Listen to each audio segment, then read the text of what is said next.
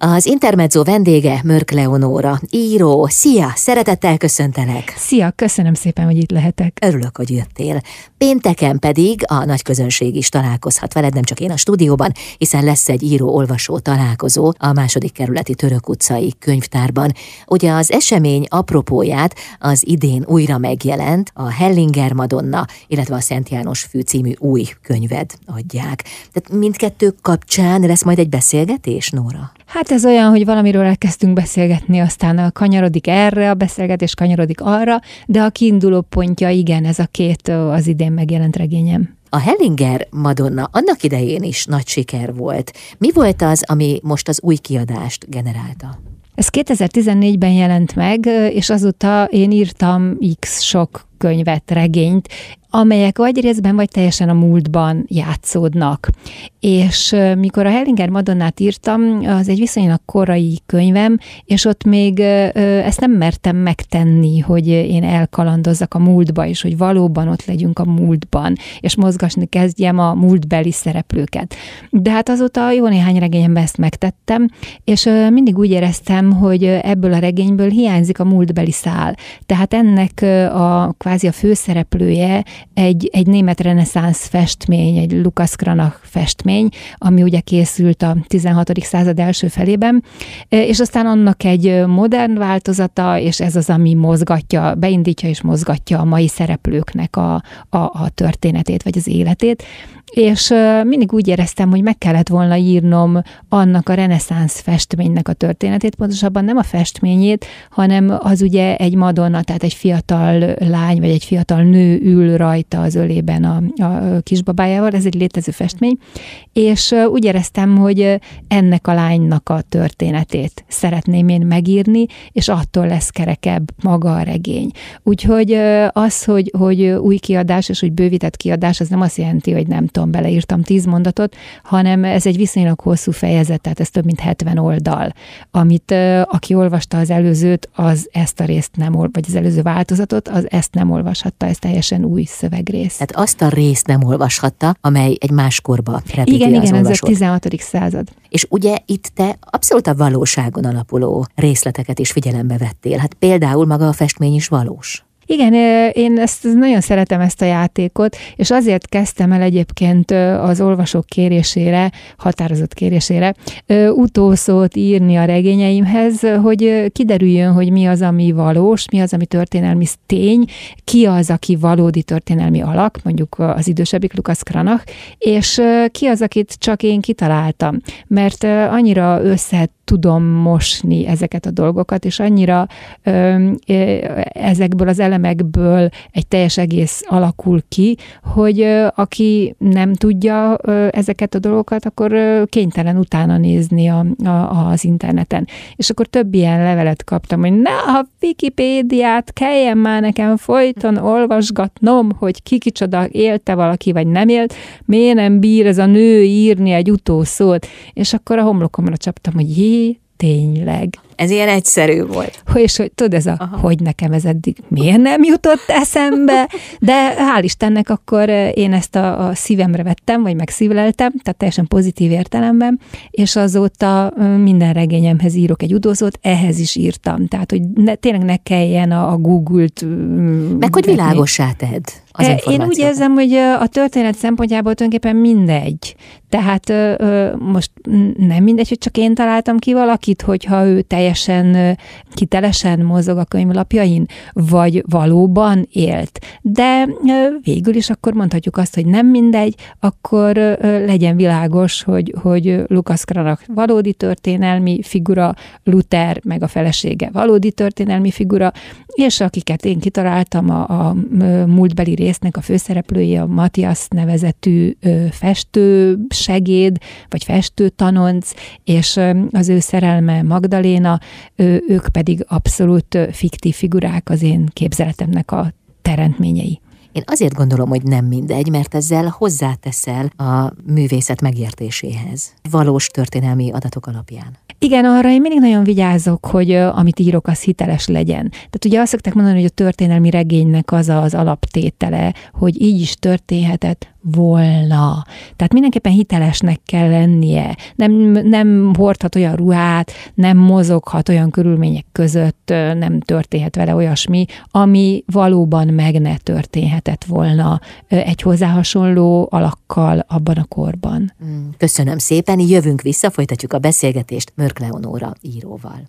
Az Intermezzo vendége Mörk Leonóra, író, aki pénteken várja az érdeklődőket Budapesten a Török utcai könyvtárban. A Hellinger Madonna című könyveddel kapcsolatban nem egy egyszerű újrakiadásról van szó, hanem egy bővítésről, ahol egy konkrét kort emeltél be a történetbe. Nóra, amikor annak idején megjelent ez a könyv először, 2014-ben, akkor is ott volt a fejedben ugye az, hogy jelen van egy párhuzamos kor is, amivel összekapcsolod. Azt mondtad, hogy nem volt hozzá bátorságod. De miért? Azért, mert az írás is olyan, hogy meg kell tanulni. És a legjobb módszere egyrészt az, hogy olvasol, tehát azt szokták mondani, hogy, hogy az, aki nem olvas eleget, hát az nem igen lehet író, mert egyszerűen nem beszéli, vagy nem írja, nem kezeli azon a szinten az anyanyelvét, hogy írni tudjon. Másrészt pedig gyakorolni kell. És mire én elkezdtem regényt írni, addigra számomra én már iszonyat sok mennyiségű szöveget gyártottam, hogy ilyen csúnyán mondjam, újságíróként. újságíróként. Igen, igen, igen. Tehát az kiderült, hogy, hogy ö, ö, íráskészségem az van, és tudok gördülékenyen fogalmazni. Az, hogy fantáziám is van, abban sose kételkedtem. Csak ö, mondjuk ö, újságíróként az ember kevésbé a, a, a fantáziáját használja. És ez, ez egy nagyon jó lehetőség volt arra a regényírás, hogy, hogy én ezt a képességemet is kihasználjam, hogy, hogy egyszerűen beindul a képzeletem, és akkor mindenféleket ki tudok találni. És aztán ahogy haladtam előre, és sorra jelentek meg a regényeim, minden egyes regényemmel úgy érzem, hogy megugrottam valami magasabbra került lécet, átugrottam. Tehát megugrottam egy újabb magasságot, amit senki más nem állított magam elé, csak én magam. Tehát például lesz, hogy visszamenjek a múltba, vagy hogy ne egy eszem első személybe meséljek, hanem egy eszem harmadik személybe, vagy ezeket váltogassam, hogy egyáltalán váltogassam az idősíkokat, és aztán már elég sok regényem megjelent, ahol váltott az időség, tehát volt egy jelenbeli történet, és volt egy, vagy olykor több múltbeli történet is, mire aztán ö, azt is megmertem tenni, hogy kizárólag a múltban meséljek. Ez a Törött tulipánok című regényem az volt az első, és ez nekem annyira megtetszett, hogy ö, azóta tulajdonképpen ezt csinálom. Tehát azóta megjelent az Asszonyom édes úrnőm, az is csak a múltban játszódik, illetve a Szent János fű. És ennél a, a Hellinger Madonna kibővítésénél megint azt csinálhattam, amit a legjobban szeretek, hogy visszamehettem a múltba. De hogyan tudtad kihagyni először, hogy nem írtál róla, hiszen akkor is ott húzódott ez a cselekmény, ez a párhuzam a múlt és a jelen között? Hát részben úgy, hogy a, a festménynek a történetét elmeséltem a jelenben, mármint nem én, hanem összerakták a szereplők, a Kata és a Johannes. Részben pedig hát úgy célzások estek rá, de igazándiból nem mélyedtem el ebben. Enélkül is kereknek éreztem a történetet, de tényleg az a vicces, hogy, hogy aztán, ahogy így mm, egyre jobban éred bennem ez a vágy, hogy megírjam ezt a múltbeli részt is, és meg is írtam, és a, a, a kiadónál is a kiadó vezetője az azonnal rábólintott erre, mikor én mondtam, hogy én ezt így szívesen megcsinálnám, és aztán akik mind a két változatot olvasták, azok azt mondják, hogy itt sokkal kerekebb. A könyvet főszereplője, Kata, a budapesti művészettörténész, aki Igen. Németországban látogat, részt vesz itthon, és aztán Németországban is családállításon. A családállítás pedig múltbeli titkokra, traumákra utal, arra hívja fel a figyelmet a Hellinger állítással nyilván te találkoztál itthon, részt kellett, hogy vegyél, hiszen annyira saját élményből fakadóan írsz, tehát arra gondolok, hogy annak, aki így ír róla, annak tudnia kell, ismernie kell ezt a módszert. Te jártál előtte? Esetleg kifejezetten ebből az apropóból voltál családállításon? Először nem ebből az apropóból voltam, hanem én akkoriban az elnél dolgoztam, és elég sok különböző pszichológiai vagy alternatív naív, spirituális, ezoterikus, stb. módszert kipróbáltunk, már csak azért is, hogy, hogy az olvasóknak is ugye beszámolhassunk róla, hogy az a mi esetünkben hogy működött. Működött-e, vagy nem. És én is sok mindent kipróbáltam. Én eskü, hogy mindenhol teljesen nyitottan mentem el, de aztán mindig azzal a tapasztalattal mm, jöttem el, hogy hát jó, igen, láttam én a saját szememmel, hogy másoknak ez milyen szuperül sikerült, de hát engem annyira nem érintett meg. És aztán a, a, a családállítás, ami akkoriban, tehát kilenc évvel ezelőtt tényleg egy nagyon divatos módszer volt, és nagyon sokan foglalkoztak vele, az, az volt az első, ahol én bármit is éreztem. Tehát egyrészt éreztem múltbeli, nem tudom, élmények vagy emlékeknek a, a feltolulását, másrészt éreztem energiákat, tehát egészen leírhatatlan élmény, amikor, amikor számodra megfoghatatlan vagy értelmezhetetlen energiák mozgatnak, és mint hogyha húznának vagy tolnának ide vagy oda. Hát ezen alapul az egész. És akkor úgy éreztem, hogy jé, na végre egy módszer, aminél én éreztem valamit, és éreztem azt, hogy működik. És aztán nem sokkal ezt az élményemet követően jutott eszembe ennek a regénynek a története, és aztán, ahogy úgy fontam magamban a történet fodalát, akkor úgy éreztem, hogy arra a problémára, amivel a kata szembenéz, tudni, hogy nem képes igazán közelengedni magához senkit, se érzelmileg, se fizikailag, meg pláne, vagy csak nagyon nehezen, hogy erre talán a családállítás egy jó módszer lenne, gondoltam én laikusként, hogy ennek a nyomára juthasson ő. És akkor kerestem egy olyan szakembert, aki, aki ezzel a módszerrel dolgozik, akit fölhívtam, és megkérdeztem, hogy képzeletbeli, tehát kitalált személynek kitalált problémájára lehet-e állítani. És akkor egy darabig vakarta a fejét, de hát azt mondta, hogy tulajdonképpen miért is ne. És akkor elmentem hozzá, és ugye ennek az a lényege, hogy te a problémáidat, tehát fölállítod azt a családi kört különböző családtagokból, akik az általad megnevezett problémában benne vannak. Ők a képviselők. Igen, tehát te megmondod, hogy nem tudom, benne kell, hogy legyen ebben a képben az anyám, az apám, a, nem tudom, a hugom, a nagynéném, ebben természetesen segít a terapeuta, tehát nem kell egy egész nagy családot behozni. És akkor kijelölöd, a, a, mivel ez egy ilyen csoportos foglalkozás, kijelölöd a, a, az ott körben ülő emberek közül, hogy melyik családtagodat ki képviselje. És aztán akkor elkezdenek működni ezek az energiák, és akkor így terül ki mindenféle. Na, tehát, hogy kellettek volna más emberek. Na, de nyilvánvalóan más emberek nem fognak az én faxniaim miatt majd ezzel foglalkozni. És akkor azt mesélte ez a terapeuta, hogy lehet nem élő emberekkel dolgozni, hanem ilyen kis figurákkal. És akkor ugyanígy fölállítottuk a, a családot, ugyanígy akkor kis figurákat beállítottuk, és csak annyi volt, hogy nem más embereknek az érzelmei érzelmeivel dolgoztunk, hanem az én érzelmeimmel. Tehát ez nekem volt nehezebb. És ezt én fölvettem ö, diktafonra, és aztán akkor ezt legépeltem, és ez alapján, tehát ami benne van a regényben leírva, az egy valódi állításnak a története felállítottad a saját regényedet. Tulajdonképpen igen, a, a saját magam által kitalált szereplőnek a, a problémáját, és, és azt, hogy hogy működnek ezek az energiák, és hogy ő mit élhetett át. Nagyon érdekes volt. Megszületett belőle a Hellinger Madonna. Igen. Mi pedig jövünk vissza, folytatjuk a beszélgetést itt az Intermedzóban Mörk Leonóra íróval. Az Intermezzo vendége Mörk Leonóra, író, akivel jövő pénteken lehet találkozni Budapesten a Török utcai könyvtárban. Két könyv is adja majd a találkozó a beszélgetés apropóját, az egyik a most újra megjelent, kibővített Hellinger Madonna, a másik pedig a Szent János fő című legújabb könyved. Nóra, amikor egy könyv története megszületik a fejedben, akkor valós személyek adják az inspirációt, van benne személyes szál, vagy pedig sok esetben teljesen a te saját fantáziát szülötte? Hát szerintem a, a saját fantáziám az én vagyok, tehát hogy ami a fejemben van, az, az azt valami oda tette, vagy valami miatt oda került, tehát ez mind így együtt, ahogy, ahogy mondtad.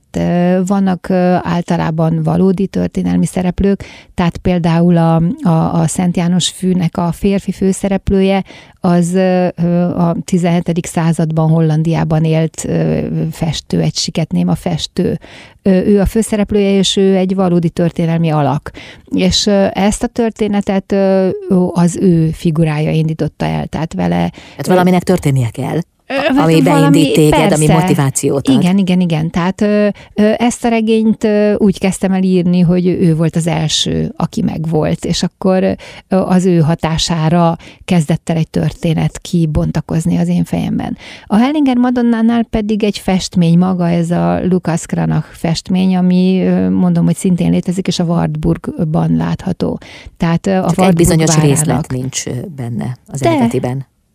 Most a, a festményben? A festményben, igen. A háttérben a... Benne van. Ez benne az van az van. eredetiben? Persze, persze. Hát nekem arra jutott eszembe, tehát ott a Wartburgban álltam ezelőtt a reneszánsz festmény előtt, ami, mit tudom én, egy olyan 30 centi, 40 centi, vagy hát nem emlékszem pontosan, tehát nem, nem egy akkora festmény, mondjuk az éjjeli őrjárat. Uh-huh ami azt jelenti, hogy a kis részleket nem biztos, hogy felfedezed. Pláne én nem, aki távolra remekül látoknak, közelre már kevésbé. És valószínűleg ezzel más is így van, mert ki volt nagyítva belőle egy részlet. Tehát, hogyha megállsz ezelőtt a festmény előtt, ahogy én is megálltam, akkor mit látsz? Erdős tájban üldögél egy bánatos arcú fiatal nő az ölében a kisfiával. És akkor szerencsére a múzeumokban mindig van magyarázó szöveg a festményekhez, és nem csak az van odaírva, hogy kifestette és mikor és mi a képnek a címe, hanem itt ki volt nagyítva egy részlet, hát nyilván fekete-fehérben, és akkor ott lehetett látni, hogy valóban a, a fák között egy ilyen kis szöcskeszerű alak megbújik. És a magyarázó szöveg az pedig elmondta, hogy ez ugyan egy Madonna kép, és sokáig az is volt a címe, hogy fiatal nő gyermekével, de aztán visszavették a, az eredeti címét, ami az, hogy a, a, az aranyszájú Szent János által megerőszakolt hercegnő. Tehát az a figura ott, az bizonyos arany, aranyszájú Szent János, szintén egy valóban élt történelmi figura, és róla maradt fönn ez, a, ez az eset, hogy ő kinn a pusztába, én nem tudom, mit csinált, ott zarándokolt, vagy nem tudom, remete volt, és akkor eltévedt egy fiatal hercegnő, és éjszakára nála kért szállást, menedéket. És ő visszaélt a bizalmával, amennyiben megerőszakolta. Majd aztán rájött, hogy hát ezt mégse kellett volna, és úgy gondolt, hogy eltünteti a bizonyítékokat, és hogy lelökte a lányt egy szikláról.